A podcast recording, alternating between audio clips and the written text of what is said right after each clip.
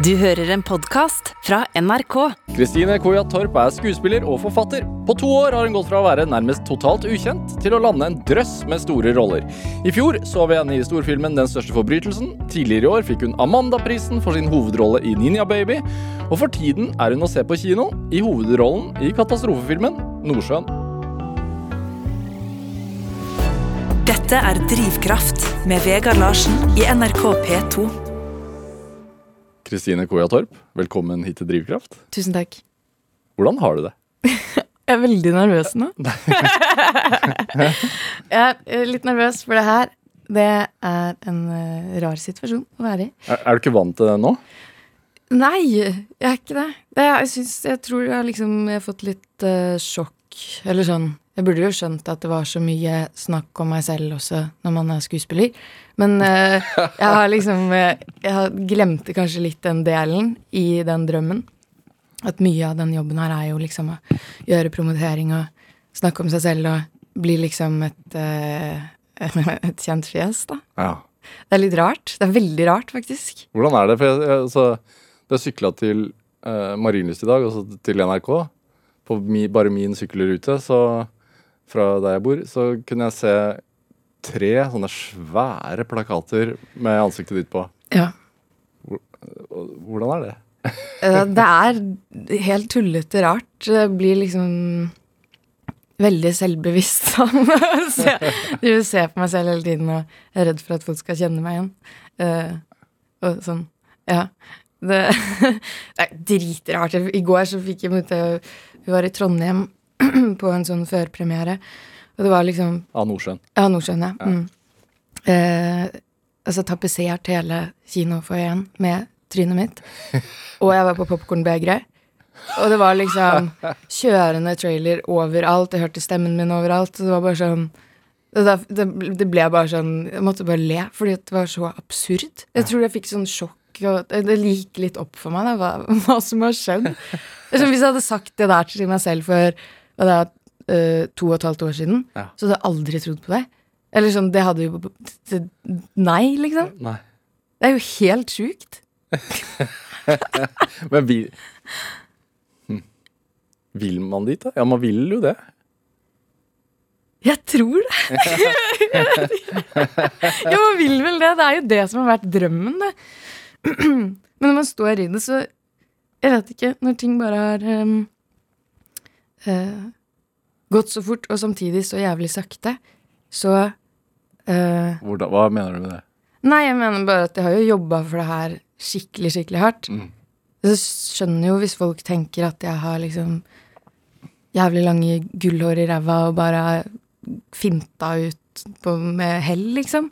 Men jeg har jo jobba siden jeg var eh, Jeg vet ikke, jeg. Tror jeg var statist i min første spillefilm og liksom eh, holdt på å få en hovedrolle da jeg var ti. Og ble veldig lei meg da jeg ikke fikk den, og tenkte sånn Jeg skal drive med det her. 19 år siden. Ja. Ja.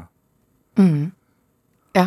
Og så, og så har jeg jo vært liksom Jeg har mast så sykt mye. Har fått så vanvittig mange avslag og kjempa liksom på det her. Eller for å nå dit jeg er nå, da. Ja, Du sa til meg på veien øh, fra få igjen opp hit at altså en av de filmene som du har blitt uh, Som du spiller hovedrollen i, da, 'Syk pike', som akkurat altså, som har blitt spilt inn, den har ikke kommet opp i kino ennå. Kristoffer Kristoffer Borgli sin film. At du for sånn ti år siden sendte fanmail til han for å få deg til å være med i filmen. Ja. Ja. Ja, ja. Forferdelig teit mail òg, vet du.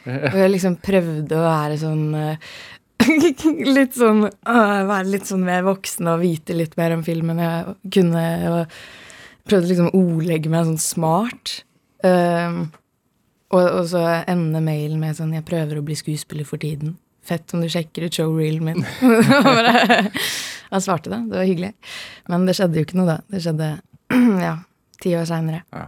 Ja. Hvordan er det å stå liksom midt i hva skal man si, ketsjup øh, altså, Det er liksom akkurat som om en ketsjupflaske har åpna seg. da. Mm.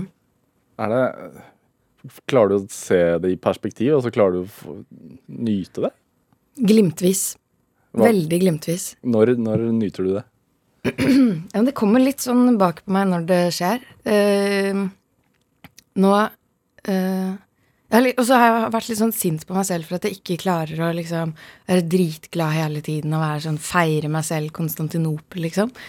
Fordi Men jeg hadde en sånn Vi var i Roma forrige uke, eh, og På ferie, eller? på- Nei, nei, på, uh, ikke sant. På, uh, på promotur med Nordsjøen på Roma filmfestival.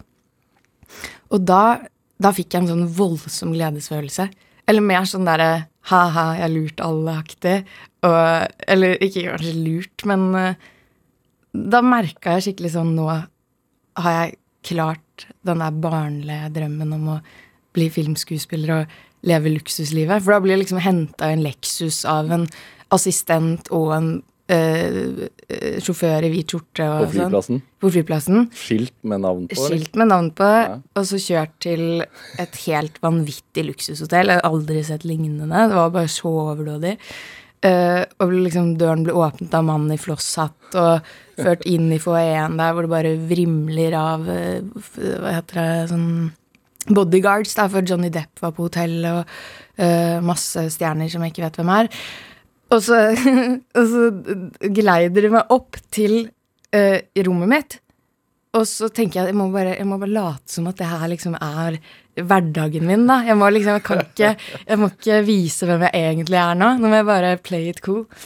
Og så sier hun sånn Yeah, and you can just call your butler anytime. You have a butler that comes to your room if you press that button over there. Bare «Å, yeah, OK, nice. Wonderful room. Really beautiful. Så lukker hun døren, og så bare og så får jeg bare sånn derre gledesrush. Og så står jeg liksom og hopper opp og ned og skriker og får latterkrampe. Popper en øl, legger meg i badekaret, så fortsetter jeg å le i kanskje halvtime. Jeg bare tenkte sånn Hva har skjedd med livet mitt? Ja. Dette er Drivkraft med Vegard Larsen i NRK P2. Og i dag er eh, skuespiller Kristine Koja Torp her hos meg i Drivkraft på NRK P2. Så en helt annen ting. Mm. Jeg har en bok foran meg som du har eh, illustrert sjøl, tegna sjøl, skrevet sjøl, ja. om insekter.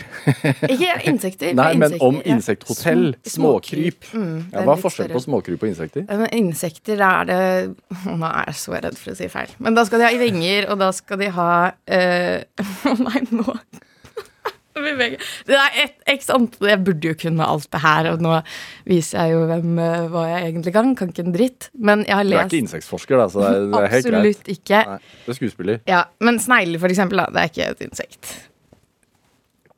Nei, det Det, er, det, er liksom, så det blir liksom småkryp, da, som er den generelle betegnelsen. ja, men hva er dette her for noe? Det er en bok eh, hvor man lærer å ta vare på småkryp eh, på en eh, eh, forhåpentligvis eh, morsom måte. Altså med mye fantasi og at man liksom lager sånne miniatyrverdener. Hotell. Hotell, og, men også barer og badeland, liksom. Ja. Mm. Transylvania hotell for edderkopper, eksempel. Ja. Jeg tenkte at det var sånn, Siden det er halloween på søndag, Mm. så er det litt morsomt hvis man vil, vil ta liksom det ekleste inn i ditt eget hus Ja. og, og bygge et hotell for dem. ja, ja. Hvordan gjør man det? Da, for, det, til halloween så ville man kanskje gått for det største, en sånn kjelleredderkopp eller noe sånt. Um, De verste. de verste og feteste. De er jo veldig Altså, hvis man googler zooma inn-bilder på edderkopper, så er de dritsøte. Nei, men helt ærlig. Og jeg var også redd for edderkopper før jeg starta å skrive den boka, men hvis man leser om de og lærer seg litt eh, fakta om de, så blir det ikke noe skummelt. Det blir bare veldig fascinerende. Uh, Men skal man begynne å prøve å fange en ja, må jo fange den. først? Ja, selvfølgelig. Ja. Uh, og så Eller først så burde man jo lage hotellet ferdig, da. Ja. Uh, Hvordan gjør man det? Ja, da trenger du en, gjerne en gjennomsiktig kasse, du kan, så du kan se hva som skjer nedi der. Eh, og så legge litt sånn sand eller jord i bunn, noe den kan gjemme seg under. Gjerne en pinne, som den har noe å klatre på. Og hvis man vil at den skal lage spindelvev, da. Det er jo ikke alle edderkopper som eh, lager så fete spindelvev, eller lager spindelvev. Men eh, eh, ja, så putter man nedi der. Setter på noe nett eh, på toppen. Eh, og så må man jo fôre den, da. Men man skal jo ikke ha den særlig lenge heller. Så hvis ikke man får tak i mat, så kan man jo slippe den ut etter et par dager. Fôre den med andre Levende dyr. Levende Ja, dyr. den tar ikke døde. Nei. Så det skal være levende. Så det er jo litt et show å følge med på, da, hvis man klarer det. Men altså, i den boka di så har du sånn insekthotell for mark. Mm. Eh, Edderkopper, maur, eh, noen larver. Det er noe mer greier her. Men hva, hva, hva fortell. Hvorfor, hvorfor denne fascinasjonen for småkryp? Det startet da jeg var liten, fordi jeg øh, hadde et sånn voldsomt behov for å øh, passe på et dyr. Og så fikk jeg ikke ha kjæledyr, eller sånn i vanlig forstand kjæledyr. um, og da tenkte jeg at da må jeg liksom skaffe det selv, da. Så da begynte jeg å lete etter skrukketroll og plukke opp mark og edderkopper og sånn, ta det med hjem. Og putte det inn i det lille terrariet jeg hadde. Uh, og samtidig så syns jeg bare det var veldig gøy, eller sånn jeg har alltid lagd masse sånn miniatyrverdener og malt og liksom eh, limt sammen pinner og syntes det var veldig morsomt. Så begynte jeg å kombinere det da jeg var liten, og liksom lage sånne miniverdener for de her småkrypene. og liksom gi det litt mer personlighet, da. På, på rommet ditt, liksom? på rommet, ja. Skrukketroll? Skrukketroll, ja. Ja. Uh, mye skrukketroll, mye snegler.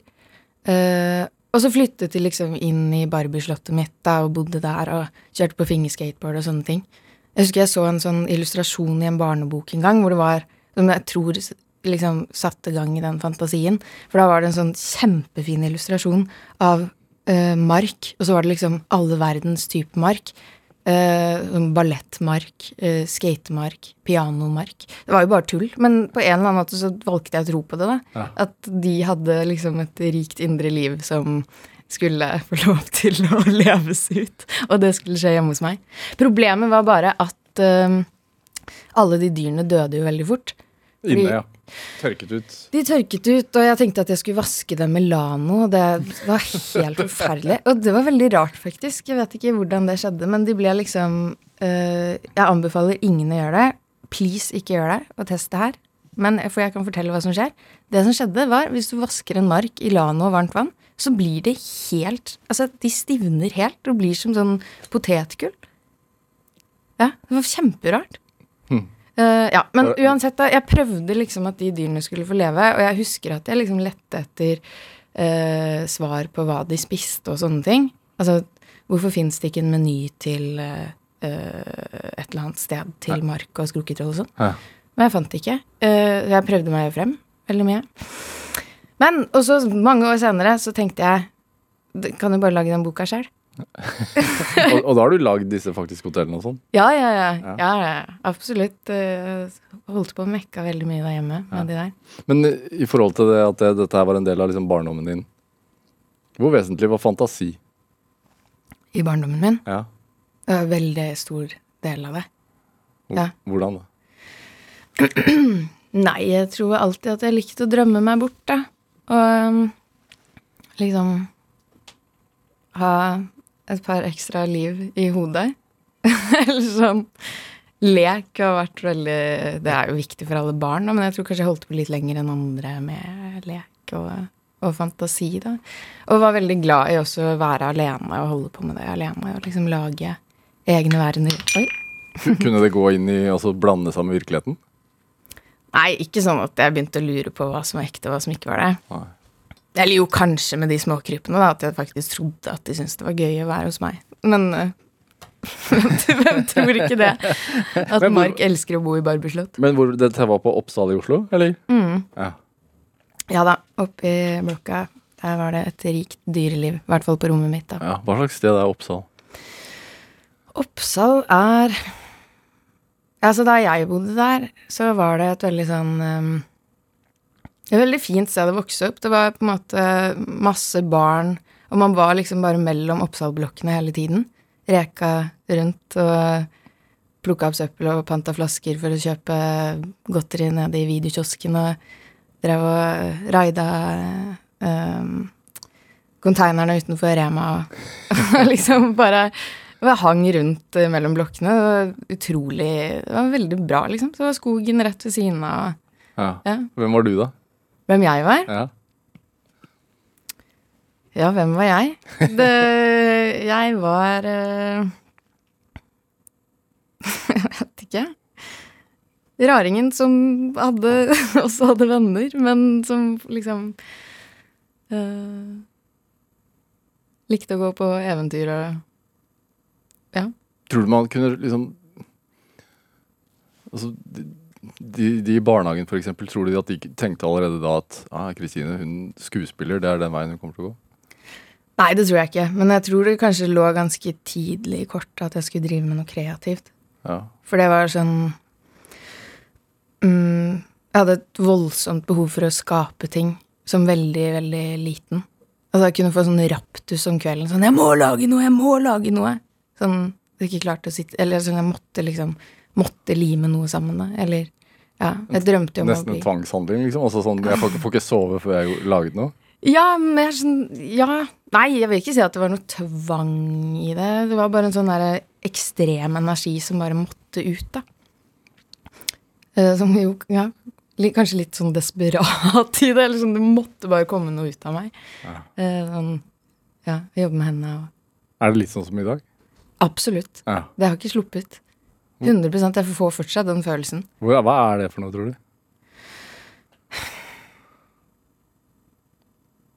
Jeg aner ikke. Altså, jeg, jeg, ja. For jeg kan komme hjem fra jobb uh, som skuespiller og være skikkelig sliten. Og gå liksom store deler av dagen og tenke åh, jeg gleder meg til å komme hjem og sove. Og så kommer jeg hjem, og så er jeg bare sånn Jeg må lage noe.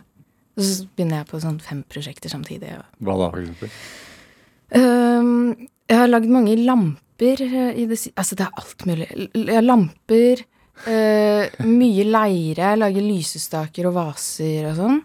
Uh, så begynte å sy en del. Så jeg begynt sånn prosjekt hvor jeg farger stoff med øh, naturmateriale. Eller sånn med kål og løk og bønner og sånn. Ok. Hvordan, hvordan lukter det i deres leilighet? Det lukter jævlig. Men kjæresten min er heldigvis ikke hjemme, øh, eller har ikke vært hjemme på en stund der, så jeg slipper liksom av sted med det. Men jeg er det crazy Han er mye flinkere enn meg til å ha det ryddig og sånn, da. Ja. Så når jeg er alene hjemme, da er det liksom store lerreter ute i hele stua og maling overalt og ja, for du maler òg. Ja da. Ja. Hva maler du, da? Jeg har begynt å male på en bukse, og så har jeg begynt å male et øh, oljemaleri. og så, ikke sant, Jeg har veldig mange prosjekter samtidig, for jeg kjeder meg veldig fort. Så skal liksom, jeg må gjerne ha sånn fem-seks prosjekter samtidig, som jeg liksom kan jobbe en time på, og så gå videre, eller bare når jeg begynner å kjede meg. da. Så holder jeg på med et sånt fem ganger tre meter svært eh, maleri som jeg bare fikk raptus på. Eh, Som, som står hjemme? ja, det, det var heldigvis på lerret, så det kunne jeg rulle sammen etterpå. Det ble dritstygt også, men det var veldig gøy å lage det. det var bare og en dag jeg kom hjem, så hadde jeg så mye energi. Så bare helte jeg ut masse maling på det lerretet, og så surfa rundt på det. Det er veldig gøy, da. Men hva skjer i skapelsesprosessen, da? Jeg har det bare veldig bra med meg selv, da. Jeg vet ikke, jeg får eh, en enorm sånn glede av det. Og så føler jeg at eh, At det blir sånn et frirom for meg, da. At jeg kan lukke ut masse andre tanker og jobb og bekymringer og sånne dagligdagse, kjedelige ting. Og så bare Jeg vet ikke. Altså kanalisere alle tankene mine inn i akkurat det jeg driver med, og få liksom en sånn pause i det. da. Og så se at noe oppstår foran meg. Ja. Pa pause fra tankene, ja. Hva slags tanker da? Ja, det er jo mange tanker. Det er jo altså spesielt nå. Jeg tenker kanskje akkurat i den perioden i livet jeg er nå, så har jeg ekstra mye bruk for det. Å holde på å være kreativ helt alene. For man er kreativ så mye med andre, og man skal liksom um, Jeg presterer å levere hver dag, da. Eh, og, og samarbeide med andre mennesker og møte veldig veldig mange forskjellige mennesker hele tiden. Det blir man jo litt sliten av. Og begynner å ja, det er mye som skal planlegges, og sinnssykt mange valg som skal tas, og øhm, Og øhm, Jeg har replikker som skal læres, og scener som skal tenkes gjennom, og karakterer som skal arbeides med, og, og så bare det, å liksom få lukket alt det ute, og bare fokusere på noe som aldri trenger å bli til noe. Ja. Så sluttresultatet er ikke så viktig. Nei. Nei, det er ikke det. Viser du det til noen, da? Ja, hvis jeg blir fornøyd med det. Nei, jeg viser faktisk alt.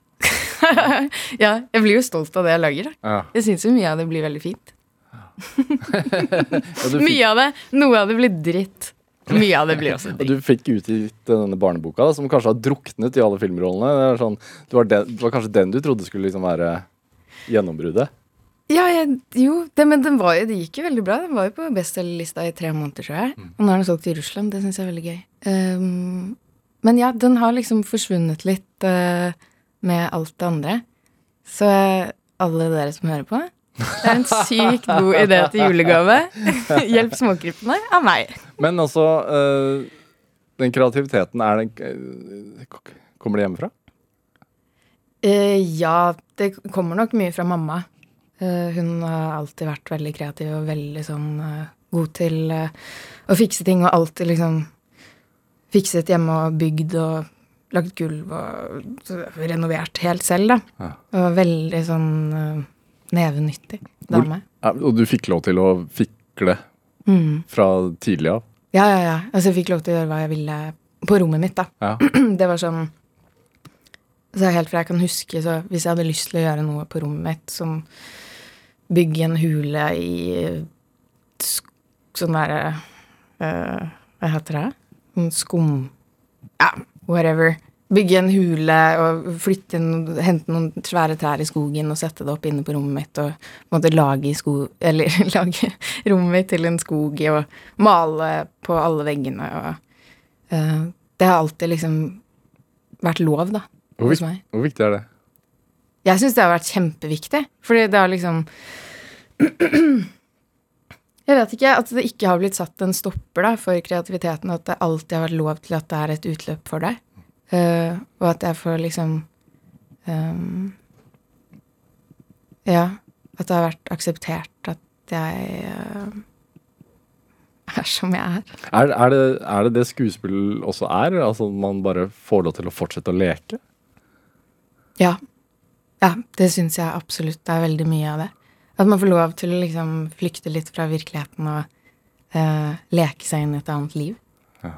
Ja. Men sånn for meg så Jeg tror uh, For meg så er sånn det beste med skuespillet er på en måte det at man får lov til å leve ekstra mye. Jeg tror jeg bare elsker livet. Mye. Hva, men hva mener du med det? Nei, at jeg sånn Jeg har lyst til å leve så mye som overhodet mulig innen jeg dør. Og øhm, det er jo øh, Altså, når man spiller skuespill, så får man lov til å øh, leve sinnssykt mange liv, da, i ett liv. Og det syns jeg blir sånn Det er sånn jeg kan bli rørt av å tenke på. At jeg får lov til det. Altså, jeg får lov til å innbille meg så mange forferdelige, men også fantastiske scenarioer som kunne skjedd, og som skjer i uh, ekte folk sine liv, da. Har du et eksempel? Nei, men, eh, egentlig alle rollene jeg gjør, er jo altså jeg, bare føler at jeg får et så rikt liv da, gjennom å oppleve å spille At jeg er kreftsyk, og at jeg skal dø, og at jeg skal, er gravid og ikke vil ha barnet, og at jeg er en kjempenarsissist, og at jeg er på i en kjempevoldsom naturkatastrofe. Og, altså, herregud. Alle disse tingene har skjedd med deg de siste tre årene. ja, ja, og så blir det jo sånn, sånn selv om man vet at det er jobb når man står der og sånn, så glemmer man seg også i det. Så begynner man å tro på det. Så får man jo et rikt liv, da. Det er jo sånn, Noen skuespillere er jo bare på jobben, altså at de går inn, uh, sier linjene sine, og så går de hjem igjen, liksom. Er det sånn for deg, eller hvordan har du det? Nei, da, da syns jeg det blir utrolig kjedelig å gå på jobb. Og hvis det noensinne blir sånn for meg, at jeg bare skal gå på jobb og si replikker og gå hjem, da gidder jeg ikke å drive med det lenger, altså. Hva er, det, hva, hva er din altså, tilnærming til det, da? Nei, det jeg jobber etter, og det jeg liksom vil oppnå, er jo liksom kunne merke deg sånn fysisk. Altså tro så mye på det at det blir uh, At det føles ekte, at jeg glemmer meg selv i det. Det er sånn når det skjer Det er ikke så ofte at det skjer at man glemmer seg 100 men de gangene det skjer Når skjedde det sist, da? mm, eh, Nei, det, ja, det skjer nok en, i hvert fall én gang på hver film. Så på den siste danske jeg gjorde nå Kan ikke si akkurat hva scenen er, for da spoiler jeg den. Men uh, Er det der du spiller nonne? jeg spiller nonne, ja. Så Den har også vært, fer- ak altså, vært under innspilling nå? Jeg ble ferdig for to uker siden. Ja. Mm. Um, Men når den følelsen kommer, og man, de sier takk, og man nesten er sånn usikker på hva som skjedde Åh, det er fantastisk. Det er bare sånn wow, man kan fucke så mye med hjernen sin. det er gøy. Er Det skummelt. Nei, jeg syns ikke det er skummelt. Jeg synes det Da blir jeg sånn Så rar kroppen er. Eller så rart at man kan tro så mye på noe som absolutt ikke er sant. Ja. Hvordan er det å leve sammen når du er i de prosessene der, da? Nei, jeg er god til å slippe det når jeg kommer hjem. Ja. Eh, noen ganger så sitter det jo i, men det er mer en sånn følelse enn at eh, jeg blir jo ikke i karakteren, liksom. Men eh, eh, ja. Men sånn som i den, altså den store eh, DR-serien hvor du spiller Emma, Ja. en, en av hovedrollene, Mm. hvor du får, får kreft. ja. Er, altså det er jo ikke en positiv ting å leve seg inn i. Nei, den, den var vanskelig. Eh, og jeg merker jo at uh, jeg syns jo det er så gøy òg, liksom. Så jeg går jo veldig mye, også når jeg er ferdig på jobb, og liksom leter videre i karakterene og sånne ting. Uh, og um, jeg, jeg tror når man liksom virkelig dyrker noen karaktertrekk og noen tanker, noen tankemønstre som egentlig ikke er ens egne, så blir det jo noen ganger bitte litt vanskelig å, å skille mellom det. For meg, i hvert fall. Så da jeg spilte henne, som har en svulst i hjernen, og som skal dø snart, så s- liksom skulle gå og tenke på det hver dag, og prøve å forestille meg at jeg selv hadde en kreftsvulst i hjernen og skulle dø, uh, så var det i hvert fall en dag når jeg ikke skulle på jobb, og bare var hjemme og tenkte sånn Jeg klarer jo å legge fra meg karakteren. Så begynte jeg å få sånn skikkelig dødsangst.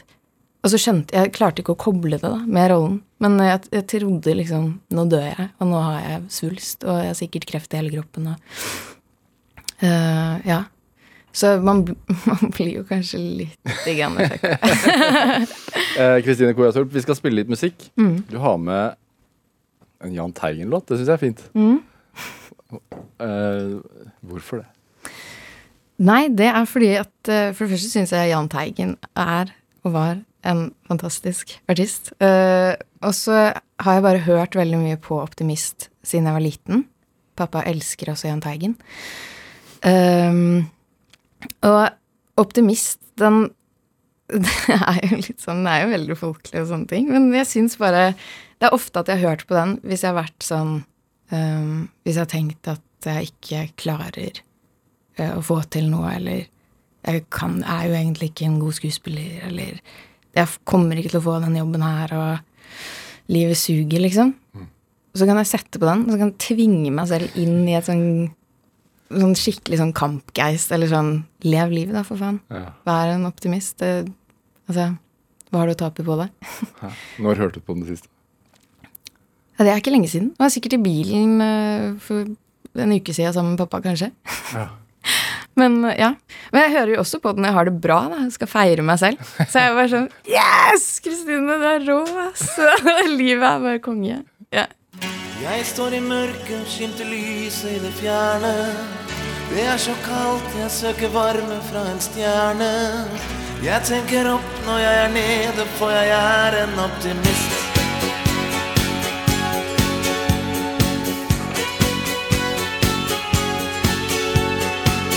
Jeg har et håp hver gang jeg går omkring i blinde. Det fins en sol i øst som snart skal begynne å skinne. Som får meg opp når jeg er nede om og om, om igjen. Jeg har en drøm at vi tar vare på hverandre. Og gir det beste i oss selv til alle andre. Jeg tenker opp når jeg er nede om og om, om igjen.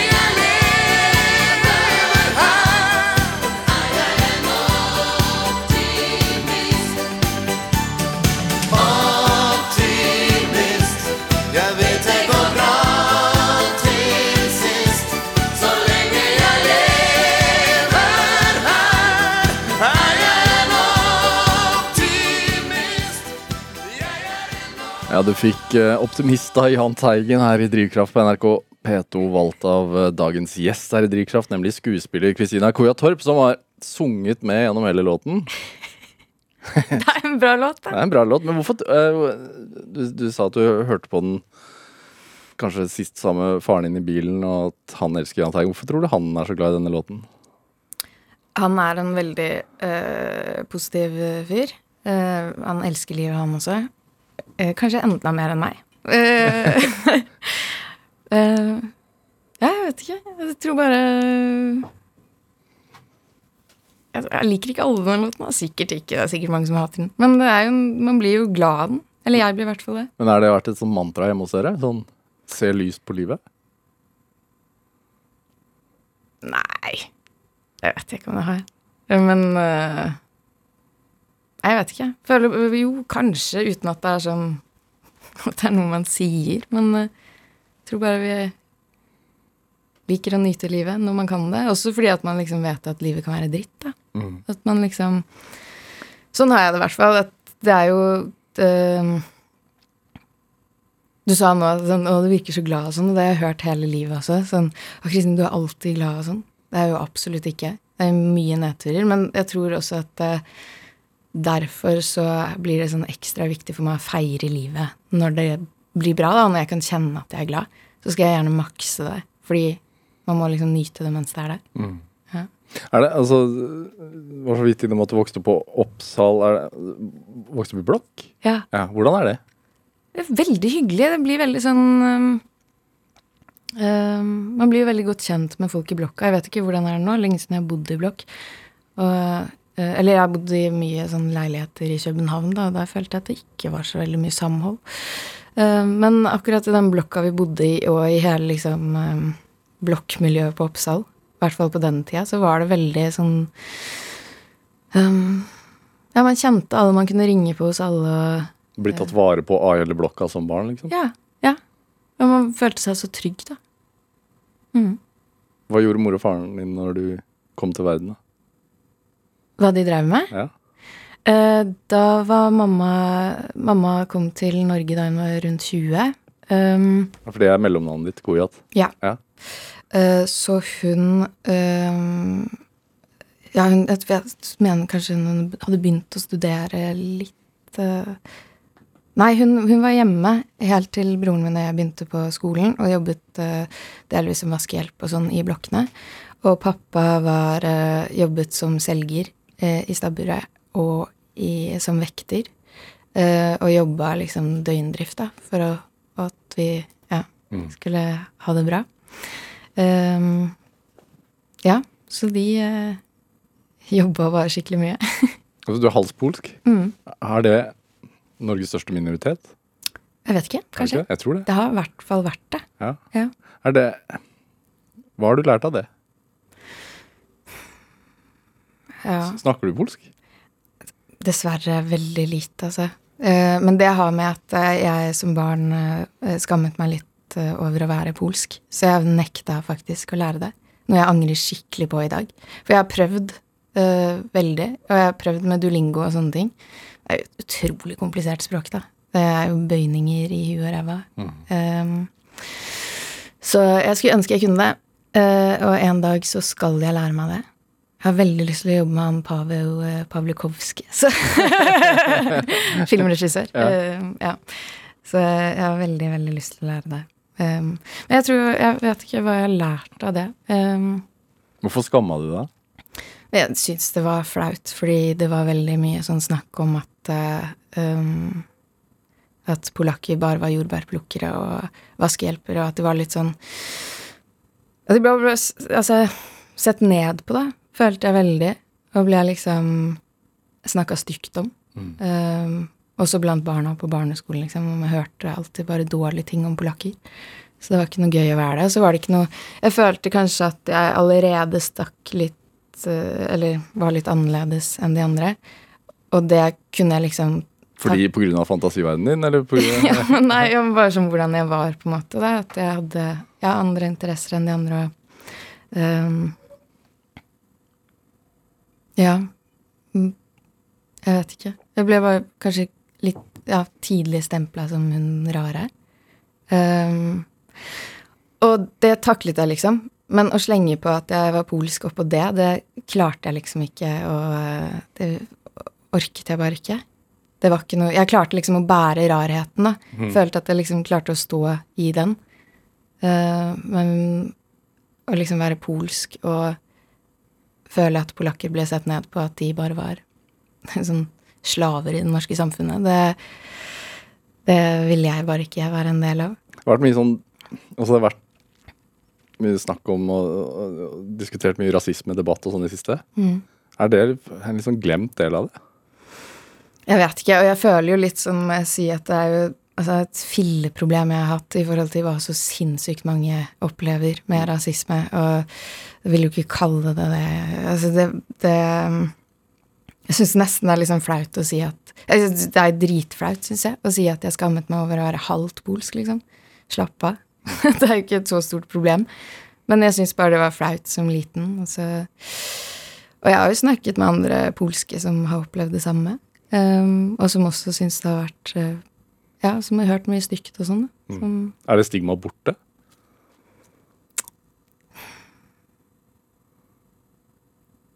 det vet jeg ikke. Jeg vil tro at det fortsatt er der en del. ass. Men for min del så er det i hvert fall jeg er 100 ferdig med det. Når ble det det? da? Ja Jeg vet ikke. Sånn sent i tenårene, kanskje. Jeg var sånn Nå skal jeg eie det her. Og så ble jeg sånn kanskje At jeg gjorde det nesten til en greie at jeg skulle si at jeg var halvt polsk. da. Det var, ble viktig for meg. Ikke sånn for at alle andre skulle vite det, men kanskje sånn for å vinne tilbake det jeg, at jeg skammet meg over at jeg var det som liten. Hva får du ut av det, da? Som uh... Jeg vet ikke. Jeg vet ikke. Nei, det blir stolt av en eller annen grunn. Eh, ja. Det liksom jeg, Nei, jeg vet ikke. Snakka du med moren din om det? At, var, at det var flaut? Ja. Det vet jeg ikke. Jeg Tror kanskje ikke det. Eller ja, jo, kanskje, for jeg vegra meg jo for å snakke polsk hjemme. Så har nok skjønt det. ja. Ja. Hva liker du med Polen i dag, da? Um, mye. Altså, sånn, politikken der er jo jævlig. Men ehm, jeg bare elsker jo familien min der nede. Det er en gjeng med livsnytere som er veldig, veldig Har utrolig høy arbeidsmoral, og som uh, har bare så mye kjærlighet og uh, er veldig direkte. Jeg, er sånn jeg føler at veldig ofte når man møter polakker, så kan det være Eller man har kanskje en oppfattelse av at de er litt sånn reserverte og litt sånn stone-faced. Men eh, nå snakker jeg veldig generelt her. Ja. Men uh, jeg kan tenke meg litt sånn at det kanskje er litt sånn med min familie òg, da. Um, De oppleves litt sånn harde i utgangspunktet. ja, men de er liksom litt mer direkte, og uh, det er ikke så mange filtre, da. Um, når man først blir kjent med de, og så Ja, jeg vet ikke. Jeg syns bare det er veldig Ja, i hvert fall min familie er veldig inspirerende, og, og så fine folk, liksom. Men den der blandingen mellom å nyte livet hva skal man si, hva var det du sa i stad? Makse livet? Eller, eh, Ja. og, og, og, men samtidig har arbeidsmoral. Mm. Det har du lært hjemme, eller? Ja, Ja. absolutt. Så jeg har jo sett liksom hvor hardt mamma og pappa har jobba. Um, og hvor uh, mye jeg liksom skylder dem for det.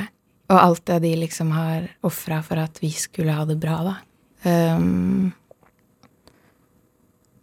og, og eh, ja, jeg tror bare jeg har skjønt fra jeg var liten at eh, hvis man vil klare noe i livet, så må man liksom jobbe jævlig hardt, da. Mm. Og, og spesielt sånn i min bransje, som um, um, Ja, som jeg tror jeg innså veldig sånn tidlig at um, Og det er jo litt eh, det er dårlig gjort, for jeg sier jo ikke at de som er oppvokst i kultureliten, og som har skuespillerforeldre, har det dritlett i det her. Men, du, har, du har følt det. Ja, er du gæren? Jeg har følt det. Jeg hata mye, ass. Eh, og vært sånn Faen, ass, de har det mye lettere enn meg. Og, altså, og det er jo kjempevanskelig for alle, jeg sier ikke det. Men man har liksom Man kommer jo inn med en forståelse fra man er liten av hva det her innebærer, og man kjenner ofte folk som kjenner noen, og har liksom Jeg ante jo ikke hvor jeg skulle gå, liksom. Jeg visste jo ikke hvem jeg skulle kontakte. Jeg visste liksom ingenting. Visste. Kjente du noen skuespillere? Nei, nei, Nei. Ingen. Hva var veien inn, da? Veien inn, ja. Um, Barneteater? Ja, jeg starta i Bydel barne- og ungdomsteater. Uh, det kosta ti kroner å gå dit, så det var bra. uh, ja, det starta vel der at jeg liksom måtte ha en hobby. Eh, eller følte at jeg måtte, jeg måtte også drive med noe på, ja, etter skolen, da, mens alle var på håndball og fotball. Så jeg starta der, og så fant ut ganske fort at eh, det var noe for meg. Jeg har jo liksom alltid opptrådt veldig mye hjemme og sånn, da. Satt opp dukketeater og øh, dansa veldig mye øh, i alle familieselskaper og sunget og Vært en stjernejeger igjen. Og Øh, ja, og så begynte jeg der, og så merka jeg bare at det her var liksom noe for meg, og jeg følte at jeg uh, kunne det, da. Eller at jeg, jeg trodde på meg selv, at jeg kunne klare det her. Um, I hvert fall sånn glimtvis. Mm. Og så fikk jeg uh, Var jeg på casting, sånn første castingen jeg var på til Lillefrøken Norge, til hovedrollen der. Så husker jeg det sto mellom meg og hun som fikk hovedrollen veldig lenge. Uh, Nå, hvor gammel var du da? Da var rundt ti, tror jeg. Ja. Um, og så ble jeg bare så lei meg og sint og uh, og mye sinne da jeg ikke fikk den. Men så fikk jeg lov til å være statist, da. Eller sånn ha en bitte liten rolle som sånn beauty queen i den, øh, i den filmen. Og det var Altså, da jeg kom på settet, da Jeg tror det var da jeg liksom tenkte sånn Nå det her er liksom, det er det jeg vil drive med. Og ikke sånn, det trengte ikke engang å være skuespill, det var bare det å være på et filmsett som jeg syntes var så utrolig spennende. At det var så mye Ja, at man lagde liksom en verden i, i verden i verden. Ja. Um, og så mange som jobba liksom med det samme, og ting skjedde så fort, og det var liksom Alle var på ballen, da. Og ja, kostymene og scenografien og kameraene Det minte deg om barnerommet, hvor du hadde lagd liksom din ja, ja, kan bare lage det ekstra stor skala. Ja. Starte liksom med de små krypehusene, og så barnerommet, og så filmsett. Ja. Men var det bra at du ikke fikk den hovedrollen, tror du? Nei, jeg vet, ikke. jeg vet ikke. Kanskje. Ja. Kanskje. At man får et slag i trynet som liten med det der. At det, det skulle jo komme ganske mange flere sånn nederlag. Um, så lærte man kanskje allerede da at det, det var ikke så lett. Um, og at det var en stor del av uh, det yrket her, da. Å få avslag. Hvor, hvor kan, altså blir man Kan man lære seg det? Fordi man, du kommer jo dit på en audition for eksempel, og gir alt av deg selv. Mm. Og kler deg hva skal man si, naken, da. Mm. Uh, og så får du nei. Mm. Og så gjør du det en gang til, og så får du nei. Ja. Uh, nei, det tok meg veldig lang tid å um, um, takle de neiene bra. Um, nå sitter jeg kanskje på en høy hest her og har gjort ganske mange filmer på to år, og TV-serier og sånne ting. Så nå er det liksom ikke så farlig lenger. Men nei, jeg tror kanskje da i midten av 20-åra, eh, når jeg hadde gjort, vært på utrolig mange castings og fått nei og, og sånn, så tror jeg på et eller annet tidspunkt innså at det var jo ikke Altså, jeg har jo alltid hatt så mange andre hobbyer og mm, ønsker med livet, da. Så jeg tror det bare gikk opp for meg at det her det er ikke livsviktig for meg å bli skuespiller. Det er ikke så farlig, liksom. Nei, så begynner du å nærme deg en alder hvor kanskje andre venner, altså venner får fast jobb, og Ja det begynner å bli sånn Hva mener du der? Nei, altså jeg- At jeg selv tenkte at eh, Ja, nå må jeg, nå må jeg kanskje legge, legge dette litt på siden, liksom. Nei, det har jeg aldri tenkt. Du tenkte ikke det? Nei, da, nei, nei, ikke sånn 'å nei, nå blir jeg stressa for at jeg ikke har funnet min vei i livet'. Uh, fordi det Jeg tror at jeg um, uh, Nei, jeg har kanskje visst siden jeg var liten at eh, en sånn 9-4-jobb, det er ikke noe for meg, da. Og jeg har jo jobba 9-4-jobb også når jeg har vært pengelens. Så, og det merker jeg bare, det er ikke et sted jeg er lykkelig, da. Så det, det, akkurat det har jeg ikke vært redd for. Men jeg tror bare at jeg Nei, men at jeg liksom tenkte ja, ja, hvis det skjer, så skjer det. Og at jeg også selv var bedre på castinger og bedre til å takle livet hvis jeg bare sa til meg selv uh, fuck it. Altså, det var noen ganger jeg skrev det på armen min. Fordi at uh, jeg måtte minne meg selv på at det er ikke så farlig, liksom. Ja, hva skrev du? Jeg skrev 'fuck it' på armen. Så så jeg på det hvis jeg ble sånn 'Å nei, oh, herregud, hva skal jeg gjøre med livet mitt nå hvis ikke jeg får den der?' Og hvis jeg tok, ble altfor stressa i en jobb eller noe sånt, og tenker sånn Det er ikke så farlig, liksom. Det er jo bare jobb, liksom. Altså, det kommer til å gå bra. Og det å gå på casting er jo også gøy, liksom. Så Hvor, hvor mye er tilfeldig? det er umulig å svare på det. Jeg Ja. vet ikke. Ehm, det er jo sikkert masse tilfeldighet i det òg. absolutt. Og da mener jeg ja, sikkert mye tilfeldig hvem som blir valgt i jobber og sånne ting, men også sånn hvilke øh, ja, men altså sånn hvilket humør man er i når man går til castingen, og hvilke mennesker man tilfeldigvis møter på en fest og begynner å snakke med og klikke med, og alt som der er jo tilfeldig. Uh, men eh, ja. Men eh, Ja, det kommer liksom ikke det, Ja, den skuespilleryrket her, det falt jo liksom ikke ned fra himmelen og traff meg i huet. Det var jo en lang vei. Ja, og den veien ofte er jo, i hvert fall for skuespillere i Norge, er jo ofte å gå på Teaterhøgskolen og Mm. komme inn der relativt ung, da, og så gå den veien. Ja. Du gjorde jo ikke det. Nei. Eh, og det tror jeg også har noe med at eh, Jeg har jo søkt eh, da jeg var i starten av 20-åra, så søkte jeg, men jeg merka jo egentlig at det, ikke var noe for meg. Eller jeg syns jeg har bare blitt litt sånn provosert av den Det er jo veldig ofte at folk sier at hvis du vil bli skuespiller, så må du liksom Da må du ofre alt. Da må du gå 100% inn for det. Må man ikke det? Nei. Nei. Nei, jeg herregud, jeg har jo drevet med masse en utdannelse i noe annet, og jeg holder jo på med masse andre greier. Mm -hmm. uh, Produksjonsdesign, da? ja, og det er jo Altså Jeg vet ikke. Jeg gidder ikke å liksom fokusere på én ting i livet og liksom kaste vekk alt. Og blir liksom ofte fortalt sånn da må du ofre alt, og da må du liksom jobbe beinhardt. Det har jeg også gjort. Men herregud, man kan jo drive med andre ting også. Og så jeg tror også det at jeg liksom ikke ville vie livet mitt og satse alt på én hest. da. Ved å gå på skuespillerskole og liksom ta masse kurs og Ja, jeg vet ikke, ass. Jeg tenkte jeg skal klare det her uten en skuespillerutdannelse. Så kan jeg ta en annen utdannelse som jeg også syns er gøy. Du, prøvde, du dro til London, da. Jeg dro til London, og det var jo mest sånn, vil jeg si, at det var eh, mer sånn en konkurranse for meg selv. Jeg er god til å lage sånn konkurranse for meg selv. Eller sånn jeg skal bevise noe overfor meg selv, da. Altså målsetninger, eller? Mm, ja. Mm. Uh, og det var jo eh, en uh, Ja, en stor konkurranse for meg selv å dra dit, og i det hele tatt tørre å dra dit. Og, Hva var det for noe? og det var Da tenkte jeg Det er jo litt sånn all or nothing kind of girl.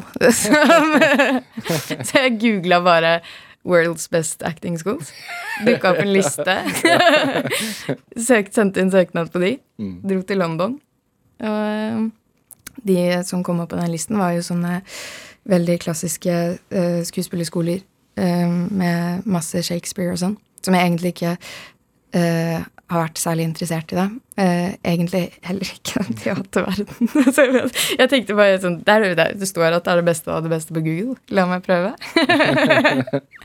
jeg dro ned dit, da, og så prøvde, og feila rimelig hardt. Mm. Ja.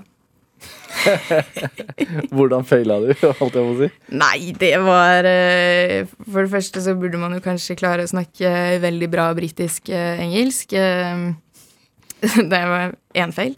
Uh, og så eh, er, har det, skjønte jeg jo i ettertid at eh, når man fremfører Shakespeare også, så er det en sånn um, spesiell måte man gjør det på. Det er noen rytmegreier i det, og noe trykk som skal være her og der. og Man skal i hvert fall forstå teksten. Gjorde ikke det. Jeg lærte med ordene. Tenkte jeg. Ja, men Og jeg, jeg leverte jo det der på noen skoler, og så var det en av de første skolene jeg dro på hvor øh, Jeg vet ikke, jeg tror kanskje jeg hadde begynt å innse at dette ikke var noe for meg. Gikk inn foran øh, panelet der øh, med eldre menn i dress øh, som virka litt sånn snobbete og stive. Følte meg absolutt ikke hjemme. Angsten begynte å ta meg. Stilte meg opp, skulle begynne på Hamlet-monologen min, og så kommer det ingenting. Og så øh, klarer jeg liksom ikke å snakke, og det eneste som kommer ut av munnen min, er banneord. Eh, det, det eneste som kommer ut, er banneord. ja, Ja. Det var liksom Det var ikke noe annet å, å bidra med, liksom. Det var det. Var det. Uh, og ja, det stopper ikke. De sier at jeg kanskje burde eh, løpe litt i ring. Uh, for at, sikkert for at den der Få ut adrenalin, liksom. ja, ja, få ut adrenalin og nervøsiteten. Men det gjør jo bare at jeg føler meg enda dummere. Altså, jeg føler meg, jeg føler meg som verdens største taper, om ikke jeg gjorde det for et par sekunder siden. Og så stiller jeg meg opp igjen, så sier de vær så god, nå kan du levere det du kom for. Kommer ikke noe annet enn banneord. Hva sier du? Nei, det, jeg sier, det er en blanding av engelsk og norsk. Det er faen Jeg skal ikke si alle disse ordene på radio. jeg stopper den der. Uh, ja, det var masse stygge, stygge ord. Eh, og jeg ble liksom sjokka over meg selv òg, for det har aldri skjedd før. og så sier de bare Jeg ser jo at de blir veldig brydde og kanskje litt irritert, eller jeg vet ikke. De så ikke så glade ut, i hvert fall. Så sier de 'nå har vi sett nok, nå kan du gå'. Sånne erfaringer som det, hvordan henter du fra, altså kan du hente fram det når du spiller spillefilm? Uh, ja Ja, ikke sånn eh, Jeg bruker jo mye erfaringer fra livet, men det er mest sånn ikke Ikke selve minnet, men følels, minnet av følelsen i kroppen. At jeg kan kanskje Så det er ikke sånn at jeg står midt i, i en scene hvor jeg f.eks. skulle spilt at jeg sto foran et panel og ikke kunne teksten, og så innbiller meg og tenker tilbake på det minnet. Men så før opptaket starter, så henter jeg kanskje fram det minnet og kjenner på Prøver å finne ut av og eh, rekonstruere den følelsen jeg hadde i magen eller i brystet, eller hvordan pusten var. Og så er det mer den jeg tar inn i scenen. Og så prøver jeg å glemme at, uh, at dette ikke er ekte. Sånn som når du er Sofia nå da i Nordsjøen. Ja, da var det, mm, det Jeg har jo ikke stått i så mange situasjoner hvor man har vært så redd. og sett så mye sjukt. Eh, men eh, man må jo ta det man har, da, så prøve å blåse det opp på en eller annen Altså så det passer i skala på um, ja, reddhet og panikk. Er det vanskelig å være redd på kommando? Nei eh, Jo, jo, nei. Både og. Altså med, akkurat med Nordsjøen så syns jeg Det er jo Jeg har jo aldri jobba med green screen før, eksempel. Og det å liksom Altså en svær, et svært grønt lerret bak hvor alle spesialeffekter blir lagt på. Ja. ja. Eh, og det er jo voldsomt krevende å skulle uh, bare stirre inn i en green screen og forestille seg at det er et enormt flammehav som kommer mot deg, og at du tror du kommer til å dø, mens du bare ser liksom inn i et uh, grønt uh, lerret. Ja. Uh, det var vanskelig. Men da må man skjerpe seg, konsentrere seg, og så kommer det etter hvert. Ja. Hvor godt er det at du bor i Danmark? Ja, nå driver du og bygger opp en karriere der, òg. er kanskje litt sånn ja. Du får ikke noe fred der heller. Ja, kanskje mer enn her. Jeg vet ikke. Jo, det er det absolutt. Eh, Det er deilig å være norsk i Danmark. Eh, det er jo, altså som vi snakka om med de der filmplakatene Ja. eh, Nå er det jo mange Fjeset mitt er jo over hele byen denne uka her, har jeg sett. ja, I Oslo her, ja. Ja. Ja. Det er jo veldig rart. Man blir litt sånn nervøs av det. Eller, ja, det er absurd, da. ja. Da er det deilig å komme til Danmark hvor eh, ansiktet mitt ikke er noen steder. Og det bare kan gå og være en helt vanlig ja. person. Men hvor lang tid tar det før det begynner å krible igjen da? Krible? Ja. Hva mener du? Før du begynner å kjede deg? I Danmark? Ja, hvis du kommer hjem dit og det blir stille? Å, eh, altså stille sånn med oppmerksomheten? Å ja, nei, jeg tror ikke det. Det er absolutt ikke den oppmerksomheten som driver meg fremover. Hva er det som driver deg fremover, da? Hva er drivkraften? Drivkraften er um, å leve livet, makse livet. Ja, det, det tror jeg er det, altså. Å liksom merke at jeg lever. Uh, at ting ikke blir en uh, At det skal skje noe nytt, da. At det skal skje noe spennende. Uh, ofte. Eh, og eh, Ja, at jeg får drive med det jeg syns er gøy, og det jeg brenner for. Um, så mye som overhodet mulig. Føler du at det makses for tiden? Ja, det gjør det. så kanskje ikke så mye som mulig, for akkurat nå det siste, eller de siste to årene, og i hvert fall det siste halvåret, så må jeg innrømme at det har blitt litt for mye. Litt mye maksing. Litt for mye maksing. Ja. Kristine Koia Torp, tusen takk for at du kom til Drivkraft. Takk for at jeg fikk komme. Hør flere samtaler i Drivkraft eh, på nrk.no, i NRK-appen eller last oss ned som podkast. Send oss gjerne ris og ros og tips til mennesker du mener har drivkraft. Send den e-posten til drivkraft.krøllalfa.nrk.no. Vi hører veldig gjerne fra deg. Produsent og researcher i dag, det var Kjartan Aarsand. Du har hørt en podkast fra NRK. De nyeste episodene og alle radiokanalene hører du i appen NRK Radio.